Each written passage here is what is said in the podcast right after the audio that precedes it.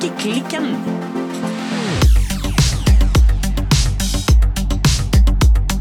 Hallo, Birte. Hallo, Silje. Hallo fra Marokko, faktisk. ok, da. Disclaimer, disclaimer. Denne episoden er spilt inn i strikkehytta. Men når denne episoden spilles av, så Ja. er jeg i Marokko. Noen er living la vida loco i Marokko. Birte, ja. hva strikker du på i dag? Du, nå har jeg strikka så lite i det siste at uh, jeg tenkte faktisk jeg måtte ta med meg litt strikketøy her i dag. Ja. Sånn at jeg kunne være multitaske, Ja. være effektiv, hver runde teller Ja, ja, ja. centimeter her og en halv centimeter der. Ja. Så jeg har med meg min eh, Oslo-lue, Ja. som er nå begynt å bli en liten sånn her eh, tube. Ja, jeg skulle til å si en Oslo-tube. Yes. Så ja, strikker nå rundt på den, og så har nå jeg kardigan nummer åtte. Men uh, som jeg sa sist uke, så eh, denne kardigan nummer åtte håper jeg blir eh, min julegave til meg sjøl. Men nå har jeg i hvert fall satt en deadline, så nå må jeg faktisk eh, piske meg i gang på den også. Ja, det blir du pent nødt til nå. Men Ja. kan du fortelle om garnet du strikker denne Oslo-lua i? Dette strikker jeg i det her håndfarga permingarnet. Nydelige farger, altså. Og så er det restegarn, eh, som er mohair, i en helt sånn eh, lys beige eh. Så du ser at i forhold til på en måte, Det er to tråder. Mm. Og nå tar jeg fram et nøste her med dette permingarnet. Mm. Det er jo ganske sånn eh, blått, grønt, mørkeblått Ja, det er innslag av mange farger, Ja. men jeg vil jo si at grunnfargen er en uh, lys blå. Ja. Den heter faktisk eh, Blue and Green, eller noe sånt, på fargen. Det som du ser, er at fordi at jeg har denne her eh, mohairtråden, som er da en eh, slags eh, beige eller pudder eller noe sånt, sammen, så blir jo resultatet litt mer eh, dempa enn dette her håndfarga garnet. Men det funka veldig bra. Jeg var litt sånn jeg håper jeg litt spent på hvor det ville bli, men det ble bare en litt sånn dusere variant av dette her permingarnet, så det funka veldig bra. Men denne her Oslo-lua, den er jo fra Petit Nytt. Jeg lurte på, altså, hva, du eh, Nå har du strikket en tube, og så plutselig så bytter du retning her. Ja. Fortell hva som skal skje her, for jeg har egentlig aldri satt meg inn i hvordan den luen faktisk ser ut. Nei, dette her eh, satt jeg og skulle vise til en mamma for eh, ja, det er nå et par uker siden nå, da. Nei, jeg klarer ikke helt å forklare sånn på stående fot, men du begynner i hvert fall å strikke rundt, vanlig rundt, glattstrikk, og så, på et eller annet tidspunkt, så snur du. Ja.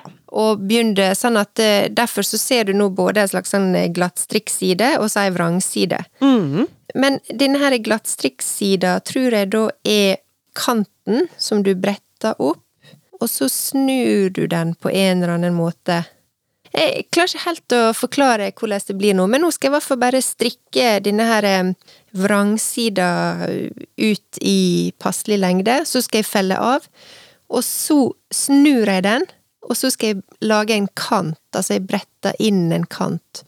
Og jeg har strikka denne hua et par ganger før, og alltid når jeg, når jeg er her Første gangen skjønte jo jeg ingenting. Men alltid når jeg kom til, så er det litt sånn ja ja, men eh, det er liksom bare å stole på oppskrifta, for det blir, det blir ei en fin hue til slutt. Men her og nå så klarer jeg ikke helt å vise hvordan det skal bli. Nei, jeg skjønner faktisk ikke opp og ned på luen din. Altså, hvor, hvor, er, hvor blir toppen på luen? Toppen på hua, den kommer her. Og nå viser jeg i forlengelsen av eh, det som nå ser eh, vrangt ut. Ja, Fordi så at jeg snur den når den er ferdig, sånn at eh, du vrenger den, og så bretter du opp så den får en veldig brei brettekant. Ja, så blir den bretta Og den brettekanten, den skal bare rulles, da, så det er ikke noe bråt på brettekanten som går opp. Eh, det er ikke bråt, men du syr den fast. Man syr den. Ja. Det var det Og magiske ordet litt. jeg lurte felt Ja. på etter. Og bretta litt inn. Så nå Jeg tror det blir litt sånn. Da begynner Ja. jeg å forstå det hele. Så lenge du snakker om å sy den inn, så Det, Ja. det, det var den lille detaljen jeg trengte, for ellers så syns jeg det var rart at, man, at det ikke var noe brudd på den. Ja, nei da. Den, eh, det blir ei eh, flotte hue til slutt. Men eh, den er litt sånn, litt sånn gøy når du strikker, for at på et eller annet tidspunkt så er du litt sånn hm, hvordan blir det til slutt? Men eh, ja, nei, det blir bra. Jeg lurer på om jeg ikke må hive meg over en Oslo-lue, jeg også, for den blir virkelig veldig fin. Og jeg har egentlig ingen hva skal man si, litt sånn normale luer. Jeg har mye pussige luer, men ingen helt normale. Så kanskje jeg skal strikke meg en Oslo-lue, jeg òg? Ja, jeg kan anbefale det. Jeg syns de er veldig eh, fine. Og sånne huer som av og til blir strikka på litt tynne pinner med litt sånn tynt garn, hvis jeg kan kalle det det. De ser av og til litt sånn Det er ikke alltid de blir like fine. Nei. Ser av og til litt sånn eh, litt sånn vel heimestrikka ut. Litt annerledes enn hvis du har litt sånn chunky, chunky tråd og sånn, for da kan de bli veldig sånn flotte og Ja. Men jeg syns disse Oslo-luene faktisk eh, blir veldig fine, så jeg kan absolutt anbefale det, altså.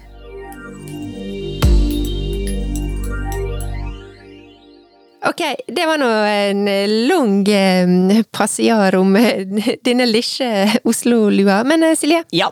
what you knitting on? Nei, altså jeg sa jo forrige uke at jeg hadde bare bitte litt igjen på eh, det ene ermet på min Tove-sweater fra Gregoria Fibers. Yes, det var vel et bitte lite bråt, og nesten ikke det engang. Ja, nei da, den er ferdig. Woohoo. Men jeg har ikke giddet å feste tråder, så den ligger fremdeles i eh, strikke...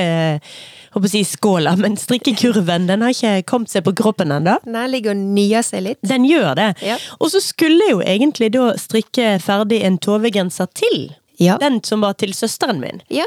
Men jeg måtte bare i mellomtiden, for da hadde jeg jo så mye Jeg hadde ganske mye ut av dette her fuchsia-fargete garnet igjen. Ja. Mye, mye med rosa mohair hjemme i stuen min for tiden. Så da eh, begynte jeg bare på et skjerf.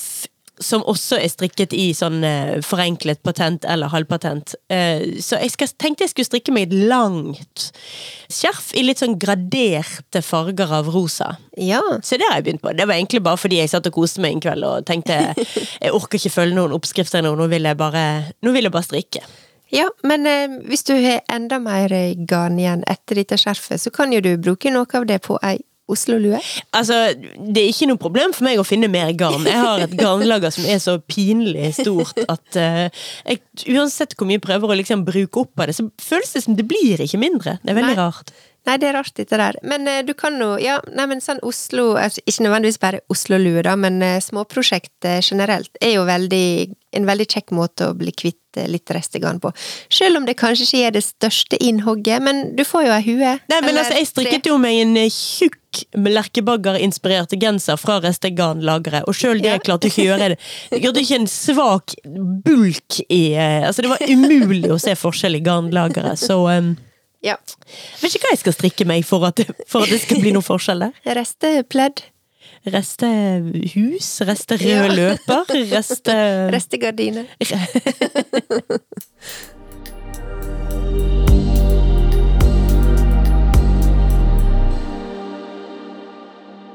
Forrige uke så hadde vi spørsmålsrunde.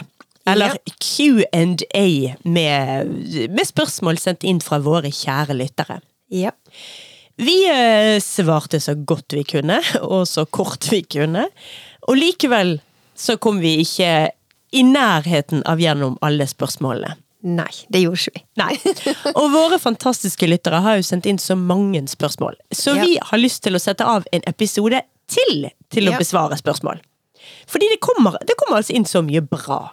Det gjorde det. Så i dag så blir det spørsmålsrunde del to. Yes. Så første spørsmål Ja. kommer fra en av våre faste, kjære lyttere. Ja. Som da lurer på Hva ville dere Altså, eh, nå er dette skrevet på dialekt, da, så jeg oversetter eh, as I speak. Ja. Hva ville dere aldri funnet på å strikke, verken til dere sjøl eller andre, og hvorfor? Jeg vet ikke hvilken dialekt vedkommende har, men det er iallfall skrevet omtrent sånn hørtes det ut inni mitt hode. Så Birte, Ja. hva ville du aldri funnet på å strikke? Oi. Verken til deg sjøl eller andre. Mm, det var litt eh, vanskelig spørsmål. Hva jeg aldri ville funnet på å strikke? Altså, det er jo ganske mange ting som jeg aldri har strikka. Ja. Av eh, åpenbare grunner. Men er det fordi du aldri ville funnet på å strikke det? Nei, det, det var nå litt denne nyansen i spørsmålet som var litt sånn eh, vanskelig. Men her og nå så må jo jeg si at det sitter langt inne for meg å strikke ei kofte, for eksempel. Ok. Men det, det går ikke nødvendigvis på at jeg ikke har lyst, men det er jo mer på det liksom Oi, skal jeg noen gang bli god nok å strikke til å klare det? Ja, sånn ja. Så det skorter litt på både selvtillit og kanskje faktisk ferdigheten òg? Ja, jeg tror, jeg tror faktisk begge deler der er, er like relevante. En annen ting som jeg nok eh, Jeg ser ikke for meg heller å strikke bukse til meg sjøl. Ikke? Nei. Ikke engang liksom en fin, deilig bukse du kan bruke på ja, hytte eller foran peisen eller eh, Jo, altså, er det én ting jeg har lært, så er jo at en aldri skal si aldri. Skal aldri si aldri. Nei. Men her og nå så kjenner jeg at eh, det blir ikke det å kaste meg uti med det første. Selv om, tja, altså strikkebukse er nå em, mer eh, happening enn noensinne. Det Så, er det eh, faktisk. Så jeg skal aldri si aldri. Men eh, jeg skal si aldri, og jeg Ja. skal si det med helt overbevist. Jeg tror faktisk jeg vil gå så langt som å si at hvis jeg trekker meg på denne, og hvis jeg faktisk ender opp med å strikke dette Ja, så skal du spise den. ja, Da må jeg nok si oh, da skal jeg spise bøttehatten min! Men aldri ropetegn, ok? Aldri ropetegn. Ja. Jeg skal aldri strikke en vinkartongvarmer med Marius-mønster. Ja, ok. Ja, men den kategorien. Ja, vi, ja nå, nå utvider du Ja, sant? spekteret Du var liksom så grådig sånn her eh, Du var så straight forward til liksom reelle mulige strikkeprosjekter. Ja. Nei, eh, for de veldig eh, trofaste lytterne våre vil kanskje forstå referansene her. Når vi laget en episode om Marius-genseren, for fryktelig lenge siden faktisk, Ja.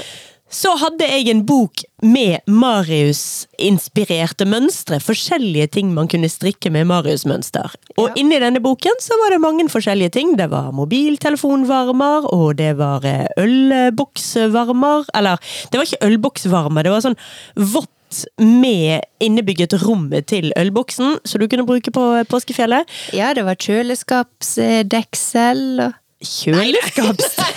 Tuller! Sofatre. Ja, ja, ja. Nei, men det var faktisk vinkartongtrekk i Marius-mønster. Ja. Og det kan jeg faktisk si med Jeg føler rett og slett at jeg påstår 100% sikkerhet at jeg kan si at det kommer jeg aldri til å strikke. I believe you.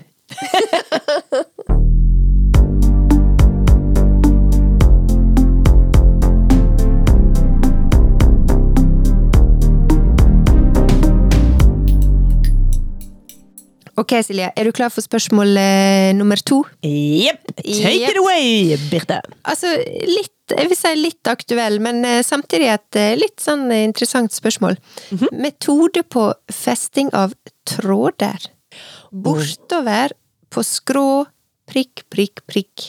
Og så vil jeg legge til et spørsmålstegn. Et spørsmålstegn? ja. Å ja, du bare Du, du kritiserer bare- denne stakkars lytteren, og du, du bare Unnskyld, herr Unnskyld, herr Sylfest. Var ikke tegnsettingen korrekt i dette spørsmålet sendt inn via Instagram? Nei, jeg følte det måtte et spørsmålstegn der, før jeg klarte å liksom Ok. Greit, OCD, Birte. Nei da, jeg skal ikke erte. Men um, dette er litt flaut, jeg har faktisk allerede glemt spørsmålet. Det var metode på festing av tråd. Det, der var vi, ja. Løse tråder. Ja. Metode meg her, og metode meg der, må jo jeg innrømme her. Nei, altså Jeg har jo eh, Etter at jeg festet alle trådene på eh, dette her eh, aftenstrikk og raumapleddet mitt Yes. 7396 millioner løse tråder, så føler jeg at jeg egentlig har svart belte i trådfesting. Men eh, noen metode Men fortsatt ingen metode. Fortsatt ingen metode. Nei, altså der var det jo eh, Det var jo snakk om et rillestrikket pledd, hvor jeg i all idioti hadde kappet eh, trådene bortover. Så det var mange forskjellige striper bortover. Og Ja. mange av de stripene var bare én rille. Og så bytter du tråd, og så én rille, og så bytter du tråd. Og en eller annen grunn har jeg kappet tråden hele veien. Ikke spør meg hvorfor. Ja.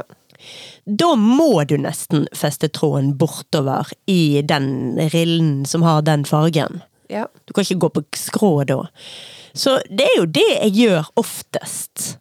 Ellers så er det litt sånn der eh, Nei, litt på kryss og litt på tvers og litt eh, Det eneste jeg kan si, er at på gensere da bruker jeg veldig ofte de trådbyttene til å skjule små feil, spesielt oppi halslinningen. Nesten alltid hvis det er sånn German short rose, så har jeg et par steder hvor eh, det er noen eh, noen litt slappe masker, så de trenger en oppstiver, og det bruker jeg alltid festetrådene til å fikse. Men eh, jeg har ikke noe mer metode enn det, altså. Nei, altså, jeg må kjenne at på eh, trådfesting, eh, der eh, freestyler jeg veldig. Og det er vel eh, Jeg er jo ganske sånn Feil å si at jeg er så opptatt av å gjøre det rett, men det er mye googling når jeg strikker for å finne metoder på forskjellige ting. Men jeg tror trådfesting, det, det har jeg liksom bare tatt på gefühlen. Og da varierer det litt. Av og til så tar jeg bare bortover, tror jeg. Mens hvis jeg fester i bråt, eller liksom i, i forbindelse med bråt, så fester jeg jo liksom oppover. Ja. Langs liksom Langs eh, den rillen som du akkurat har strikket, da. Ja. Mm. Og så gjør jeg sånn som du eh, Jeg bruker faktisk ofte Ja, når jeg kom til et stykke, da kan jeg begynne å feste litt tråder, sånn at jeg ikke skal ha igjen alt til slutt. Men alle trådene som er liksom i Ja, i halslinning eller under erme, i ermehåla og sånn, de bruker jeg å ta helt til slutt. Nettopp fordi at eh, jeg trenger også litt sånn eh, kosmetiske forbedringer. Ja, bare sånn noen pyntesting. Ja, litt sånn eh, stramma litt inn her og der, og finne litt sånn åpninger. Sånn som det gjerne er. Kan være både i halsen, men også, også spesielt i armhåla under. Ja, altså jeg kan ha sånne skjønnhetshull overalt jeg på plaggene mine, så å gi Ja. det en liten oppstrammer hist og pist, det, det kan absolutt være nødvendig hos meg. Men faktisk, så disse der eh, skjønnhetsfeilene mine syns jeg ofte kommer i forbindelse med liksom trådbytte eller eh, garnbytte. Okay. Så der er det alltid litt sånn Ja, det er alltid litt behov for å stramme litt til der. Men mm.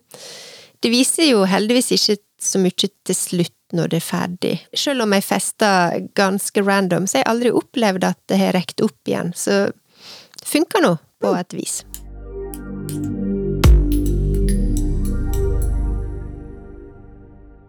Ok, Silje, jeg kjører på et spørsmål til. Kjør i vei, Birte.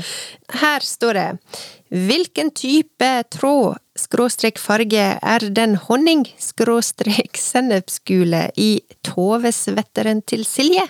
Det var til deg! Oh, det var til meg! Yes! Ja, da regner jeg med at vedkommende snakker om bråtet både nederst og på ermene og oppi halsen på den fuchsia-fargede Tove-sweateren min. Ja. Den som nettopp er ferdig. Den er strikket i eh, garnet Untold Ja. i eh, trippeltråd, og det er et silkemohairgarn. Og den fargen der, det er honey mustard. Ja. Eh, Det skal jo sies at det er et lite grann dyrt garn. Det er 110 kroner eh, per nøste, men de er veldig fine. Det var litt morsomt også, fordi at når jeg kjøpte dette garnet, altså Untold, så var det helt tilfeldig at det ble det. Jeg gikk inn i garnbutikken. Jeg så den veldig intense fargen i fusha. Ja. Kjente at da, det var fargen, og så var det liksom Ja, ok, jeg var på jakt etter silkemohair, og det var silkemohair. ja. Og kjøpte det Det var garnet. fuchsia-tid. Det var fuchsia-tid. Ja. Men i ettertid så har jeg googlet dette, den, dette garnmerket, da. Ja. Untold. Og det er altså et norsk garnmerke, drevet av Pia og Marte.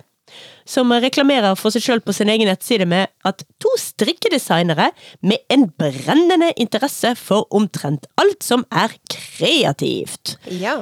Untold er altså et nyoppstartet firma innen garn, strikkedesign og strikkerelaterte produkter.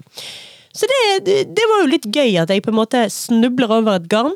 Av fargen velger jeg det, og så viser det seg at det da altså er et sånt eh, norsk lite merke. Så det, det var gøy. Ja. Ja.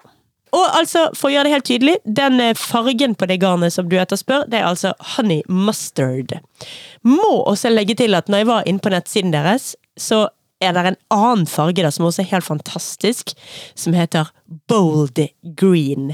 Aha. Jeg mener, nå viser jeg denne fargen til Birte. Birte, hadde ikke jeg kledd å ha en eh, genser i den fargen? Dette er en farge for deg, vil jeg si. Ja, den er ja. intenst grønn, altså. Den er, den er flott og eh, mye.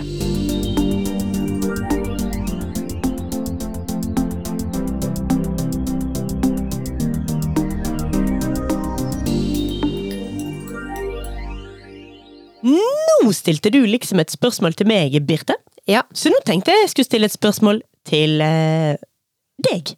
Ja. ja. Altså, det er jo ikke jeg som har laget spørsmålet, jeg bare leser det opp. ja.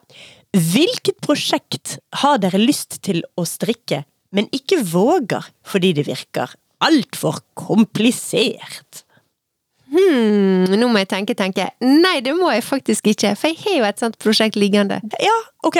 Det er Sofie Sowetter fra Skall Studio. Ja Jeg skal ikke si at jeg ikke våger å strikke det, men nå har det Det er faktisk ett og et halvt år siden jeg kjøpte garn og oppskrift. Og der ligger det bare fremdeles? Det ligger der, og jeg har knapt nok bladd i eh, oppskrift. Dette var jo sånn Dette var jo en sånn strikkepakke eh, som du kjøper. Og som dere hørte når jeg var i eh, København, så fant jo jeg denne genseren hengende på eh, klesstativet i eh, butikken der.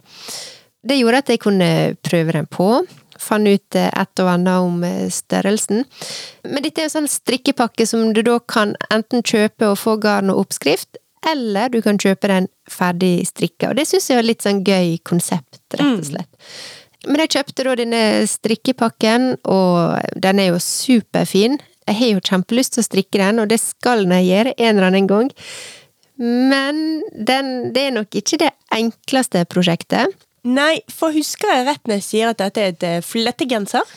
Det er en flettegenser, det er perlestrikk. Ja, det er noe superenkelt, da. Ja da, det er ikke alt som er vanskelig, men eh, skal nå ikke alltid være så veldig, eh, håper jeg, komplisert før jeg begynner å liksom koke i eh, topplokket. Men eh, nei da, så ja, jeg har en eh, Sofie-genser fra Skall Studio, den har jeg liggende.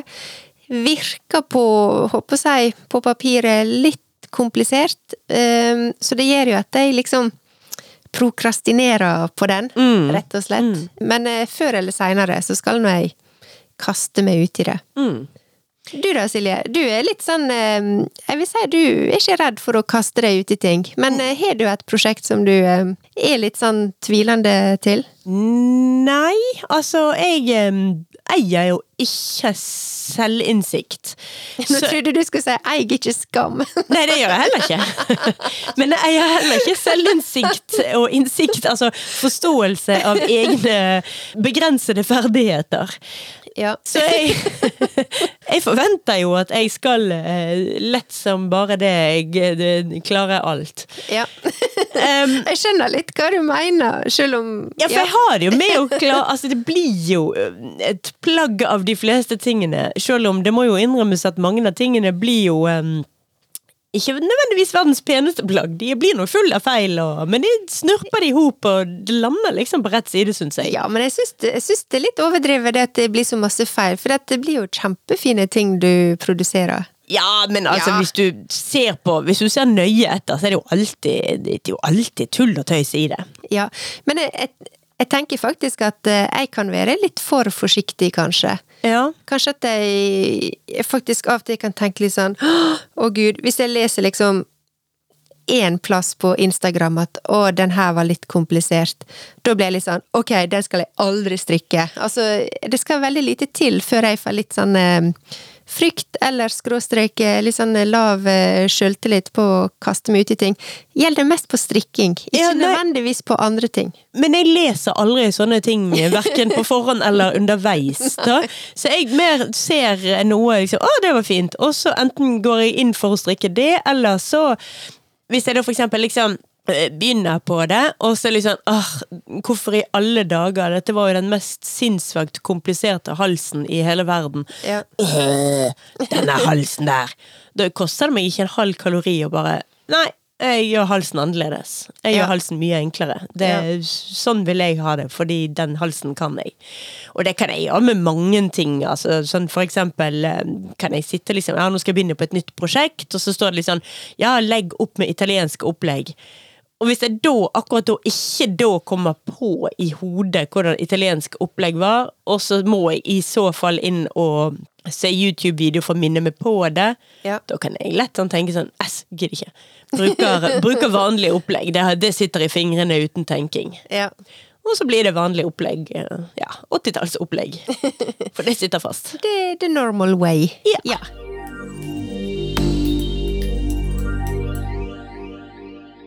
Her kommer et eh, veldig godt spørsmål. Ja. Eh, ikke at de andre spørsmålene ikke har vært gode, men her kommer et som meg. Enda et bra. Enda atter et godt spørsmål. Yes. Deres beste tips for å style strikkeklær? Oi! Ja!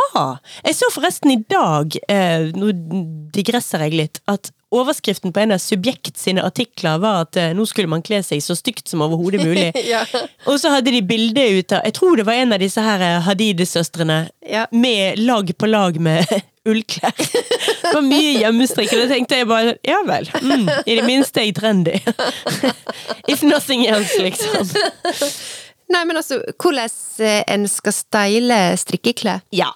Altså, nå, nå bare tok jeg styringa her. Ja, at- altså hmm, Av meg og deg, hvorfor tok du style, er styringen når det ble et spørsmål om styling, Birte? Nei, altså, du, dette kan du også fint svare på, men nå, eh, nå var det du som stilte spørsmålet, da, så da bare tok jeg lyden Ja, eh, ok, Her er mitt stylingtips. Prøv å få sokkene dine til å matche.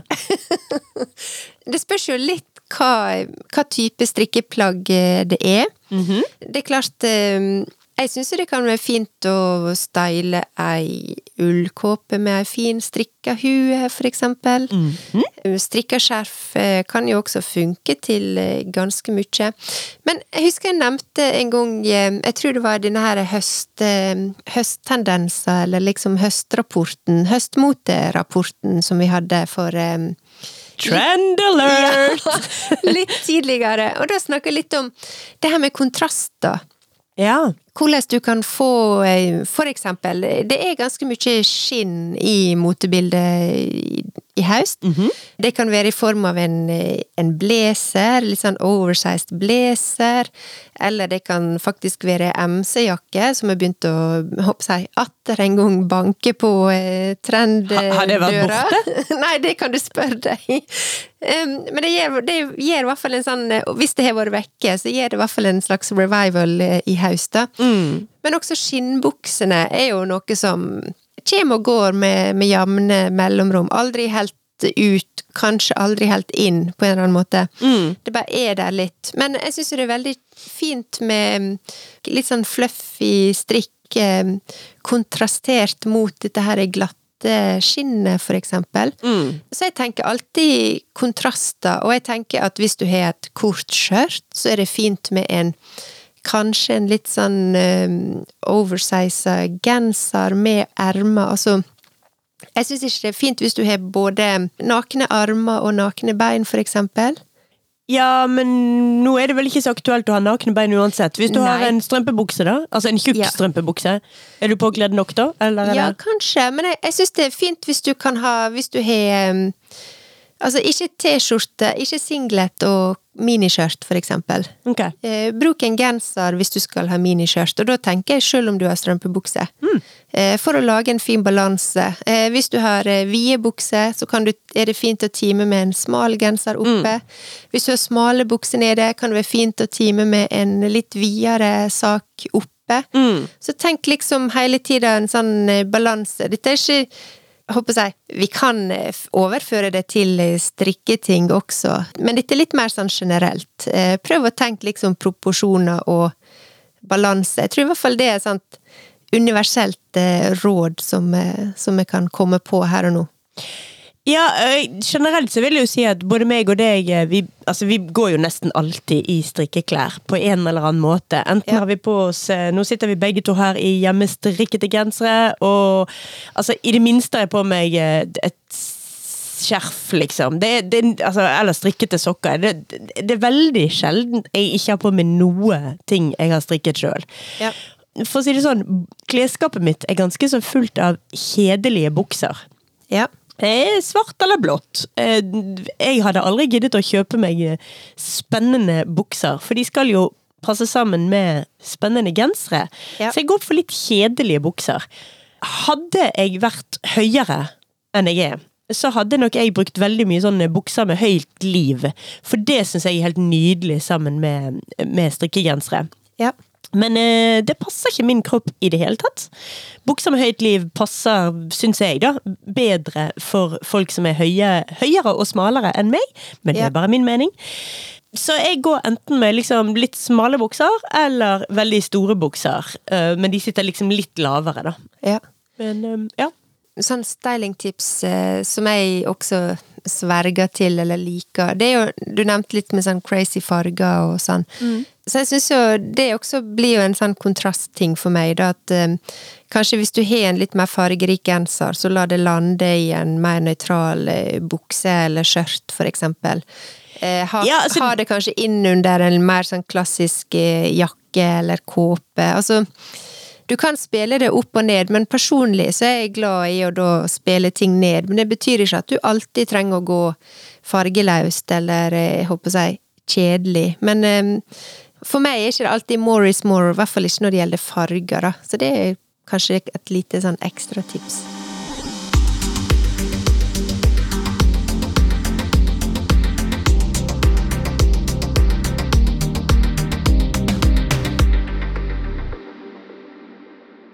Ok, Birte. Ja. Her har vi et spørsmål fra utlandet. Er Oi, du klar? ja. Tror ni at spetstickning, parentes strikkede blonder, blir trendy igjen snart?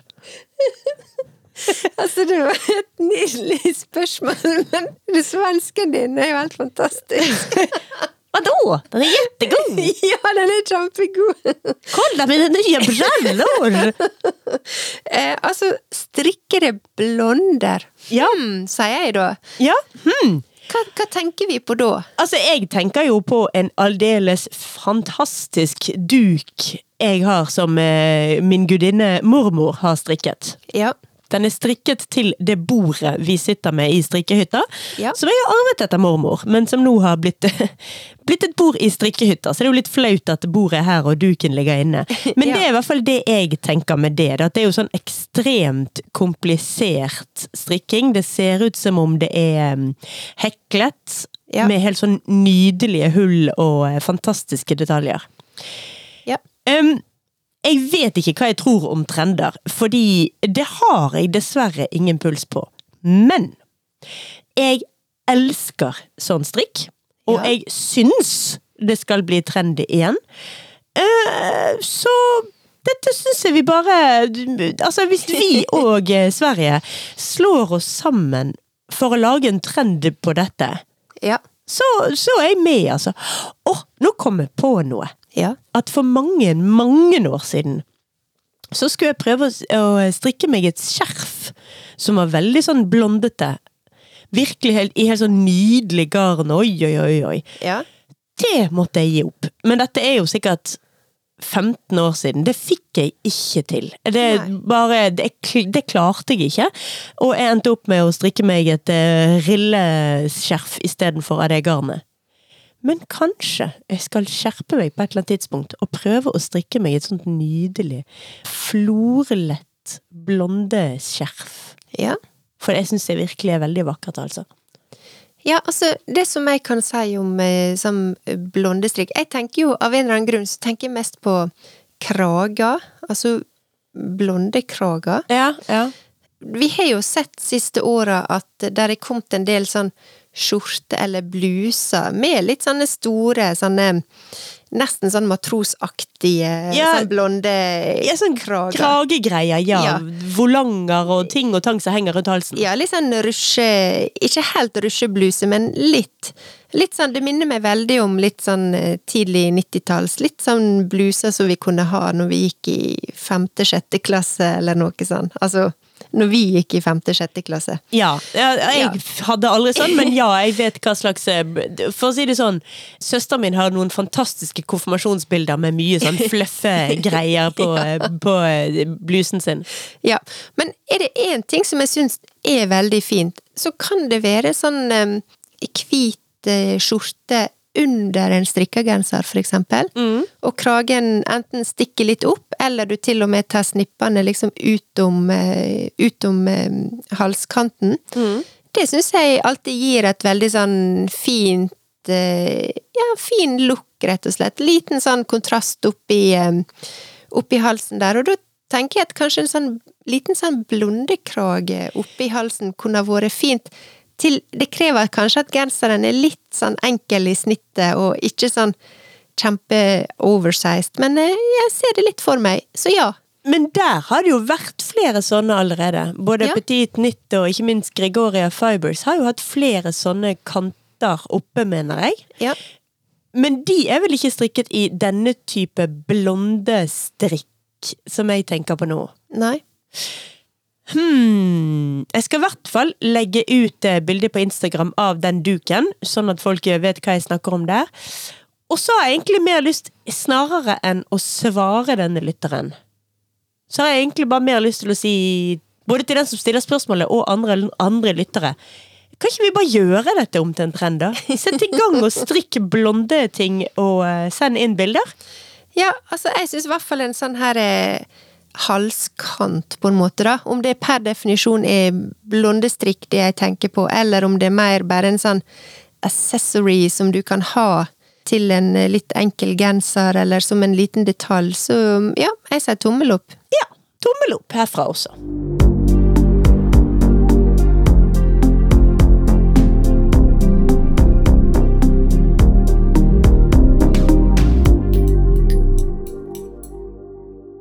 Selv om vi nå har via to, eh, snart to episoder til eh, spørsmål fra lytterne våre, så vet ikke om vi kommer gjennom eh, denne gangen heller. Nei, men Vi roter oss jo vekk hele tiden. Vi bruker altfor lang tid. Ja, Vi skulle, bare, vi skulle bare svare sånn ja, nei, ja, nei, kanskje. Ja, men jeg Jeg svarer nei.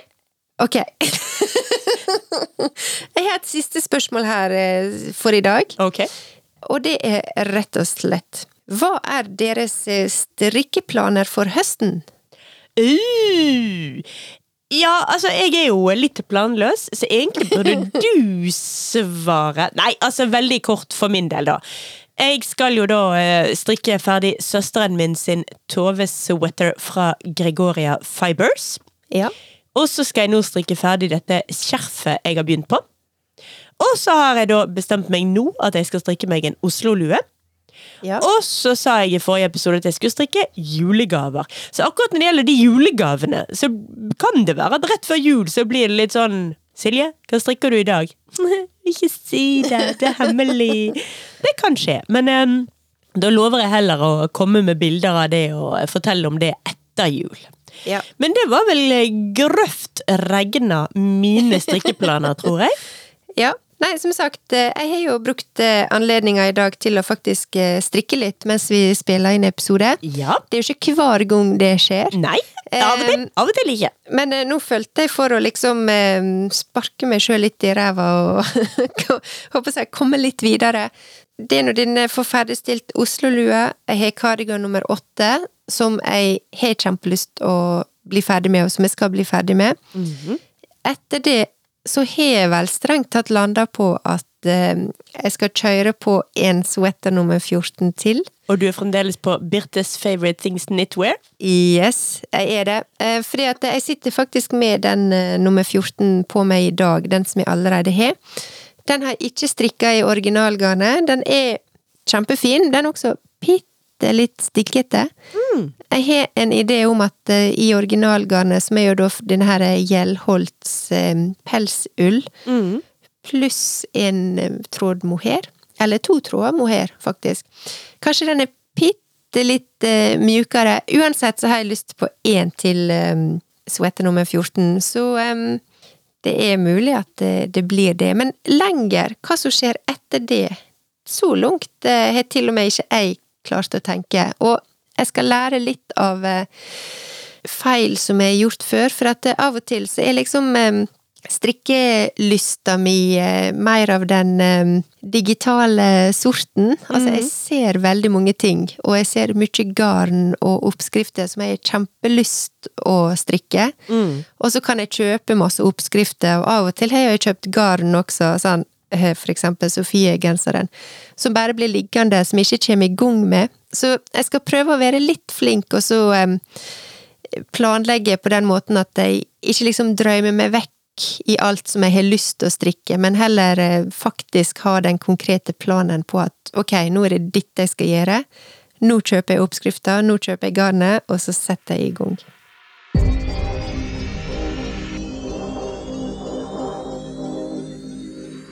Silje snakker om. Farger.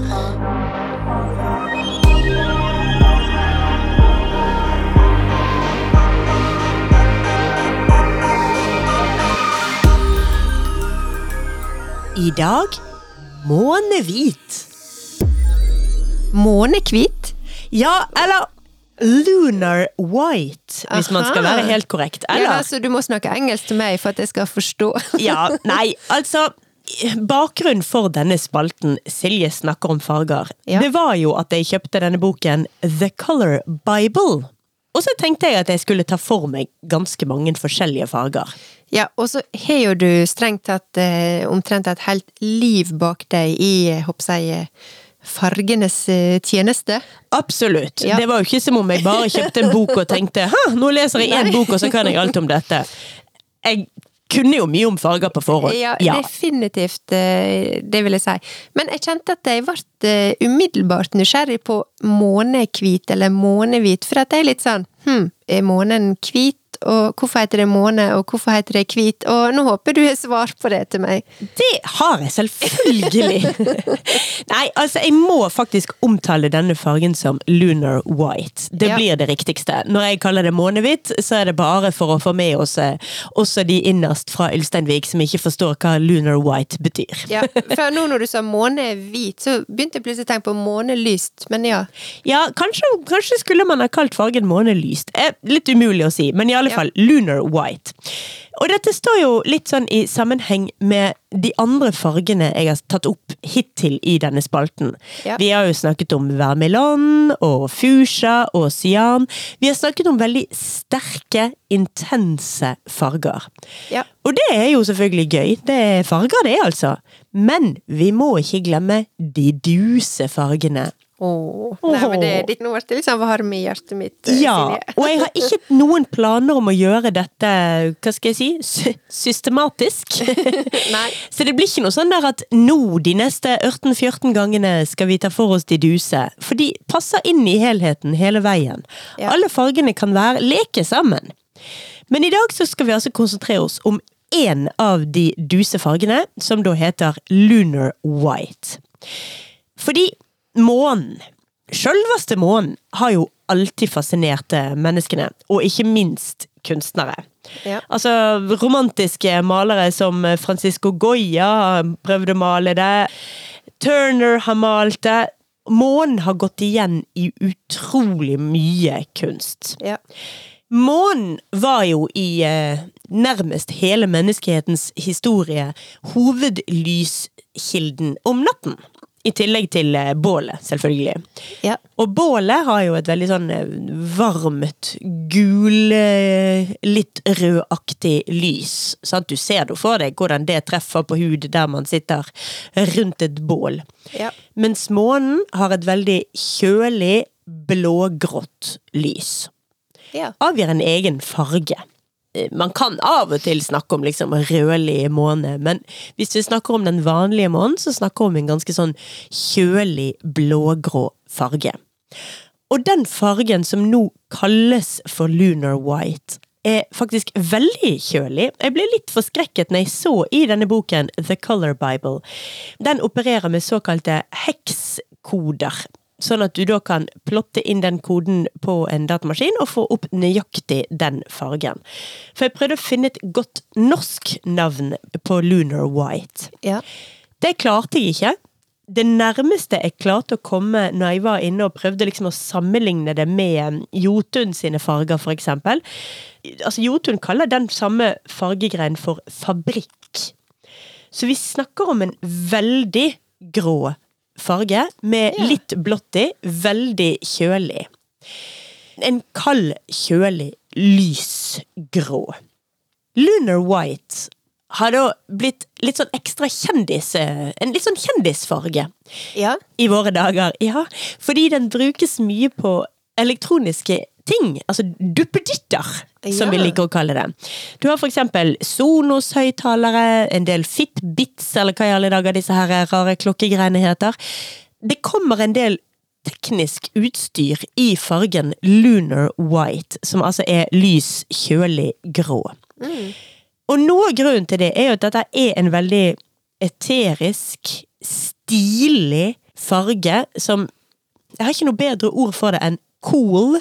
Altså, den er kjølig, men også kul, og har ikke for mye identitet i seg sjøl.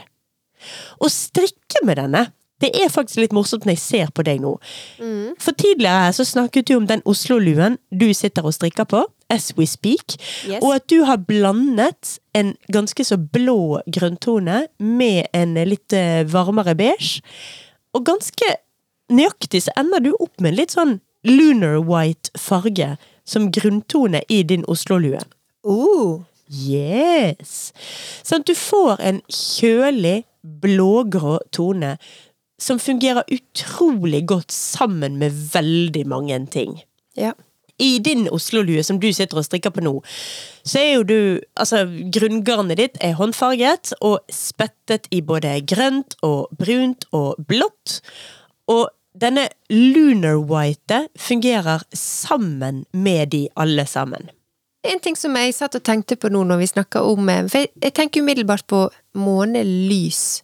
Og der som jeg bor, kommer da månen på et eller annet tidspunkt liksom og sveiper liksom foran leiligheten vår, mm. og lyser liksom inn, inn gjennom stovevinduet. Og så, rett foran huset vårt, så er det en stor hall med et eh, tak som er veldig eh, Altså taksteinene er veldig eh, glansende, glinsende. Sånn at månelyset liksom reflekterer veldig sterkt i det taket. Og ganske sånn tidlig på kveld så, så ser vi da det her måneskinnet fra det her taket. Og det varer i ganske mange timer utover kvelden. Og det måneskinnet som da kommer, det reflekterer også inn på stoveveggen. Så ofte når jeg skal eh, legge meg, slekke lyset og det er helt mørkt i stova, så er dette der måneskinnet på veggen.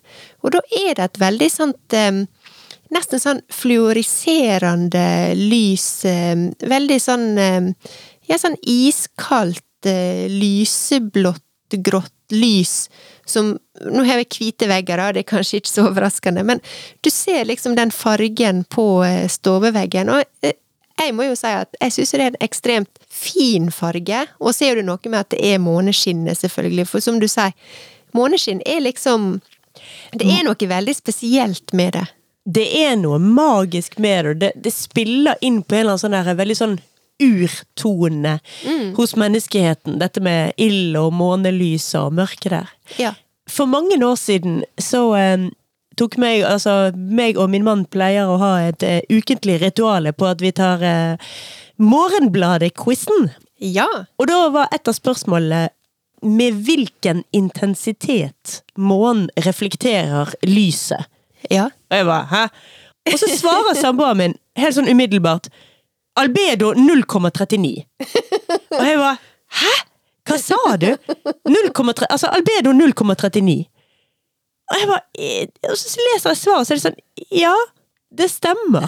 Selvfølgelig. Så det viser seg jo da at det er et musikkalbum av Vangelis. Oh. Vangelis har kalt et album opp etter lysrefleksjonsevnen til månens overflate.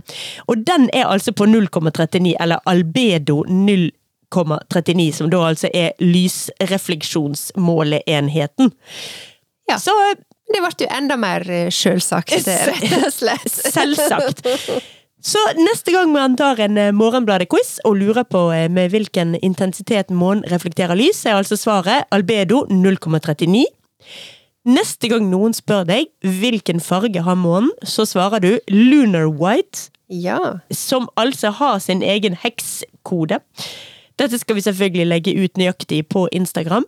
Men husk i alle fall når det gjelder strikking, at dette er en farge som går godt sammen med veldig mange forskjellige ting, fordi den er veldig tilpasningsdyktig. Ja. Den passer med det meste, rett og slett. Så det var dagens lille Ja, men det syns jeg var interessant, for at det blir jo ofte sagt også at eh, hvit ikke er en farge. Men Lunar White, det er faktisk en farge. Det er en farge. Ja. Absolutt.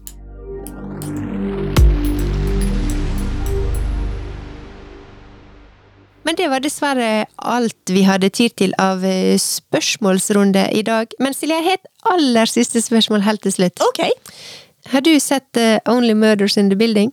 Ja! Ja. Nå har jeg sett den. Jeg veit det, og jeg lurer sånn på Altså, det var jo altså, Dette er jo en liten sånn føljetonggreie, for du begynte jo å snakke om den. Ja. Og så gjorde du da den lille bommerten at du sammenlignet den Du mente at den minnet om noe Woody eh, Allen-aktig. Ja, jeg vil fortsatt påstå at den har Woody Allen-vibes eh, på seg, ja. Ja, og jeg kan jo ikke fordra Woody Allen. Eh, Jeg syns jo han er ekstremt oppskrytt filmskaper. Men hvis vi nå bare legger vekk hele Woody Allen, som bare gir meg en ekkel smak i munnen Ja. Vi skiter i han og snakker heller om Only Murders in the Building. Yeah. For ja! Og ja på mange områder. Ja. Altså ja til strikkeklærne til Selena Gomez. Right. Ja til drapsvåpenet. Ja til podkastingen og det faktum at de prøver å snakke sammen med, på, utenom podkasting, men blir sånn herre Vent! Ja. Dette må vi spare til podkasting! Det er så mange gjenkjennelige, eh, håper jeg, eh, episoder. Ja. Nei, altså veldig kort eh, svart og fortalt. Jeg mollkoste meg med to sesonger av Only Murders in the Building. Og det tror jeg jeg tør påstå at det, tror jeg mange andre av lytterne våre også vil gjøre. Så den, den kjører vi. Skal vi, skal vi kjøre en felles anbefaling på den? Ja, men for en gangs skyld eh, Nei, vi kan jo Vi har jo av og til gjort det før, men eh, ja, jeg vil også si ja til New York. Altså i forhold til serien. Ja. Og så vil jeg også si ja til gamle, halvsure, heilsure Sini New eh, New og slett. Ja, ja mm -hmm. Den har veldig mange nyanser som jeg bare Ja. Og det er ikke ofte jeg liksom flirer av ting jeg ser, sjøl om det kan være komedie eller liksom morsomt, men på Only Murders in the Building så tok jeg med å sitte og humre rett som det var. Ja, For det var så jeg- mange sånne jeg vet ikke, referanser og sånn, som jeg, som jeg bare syntes var så utrolig gøye. Birte, Ja. pokker så hyggelig. Nå drar jeg tilbake igjen til å sole meg på strand i Marrakech.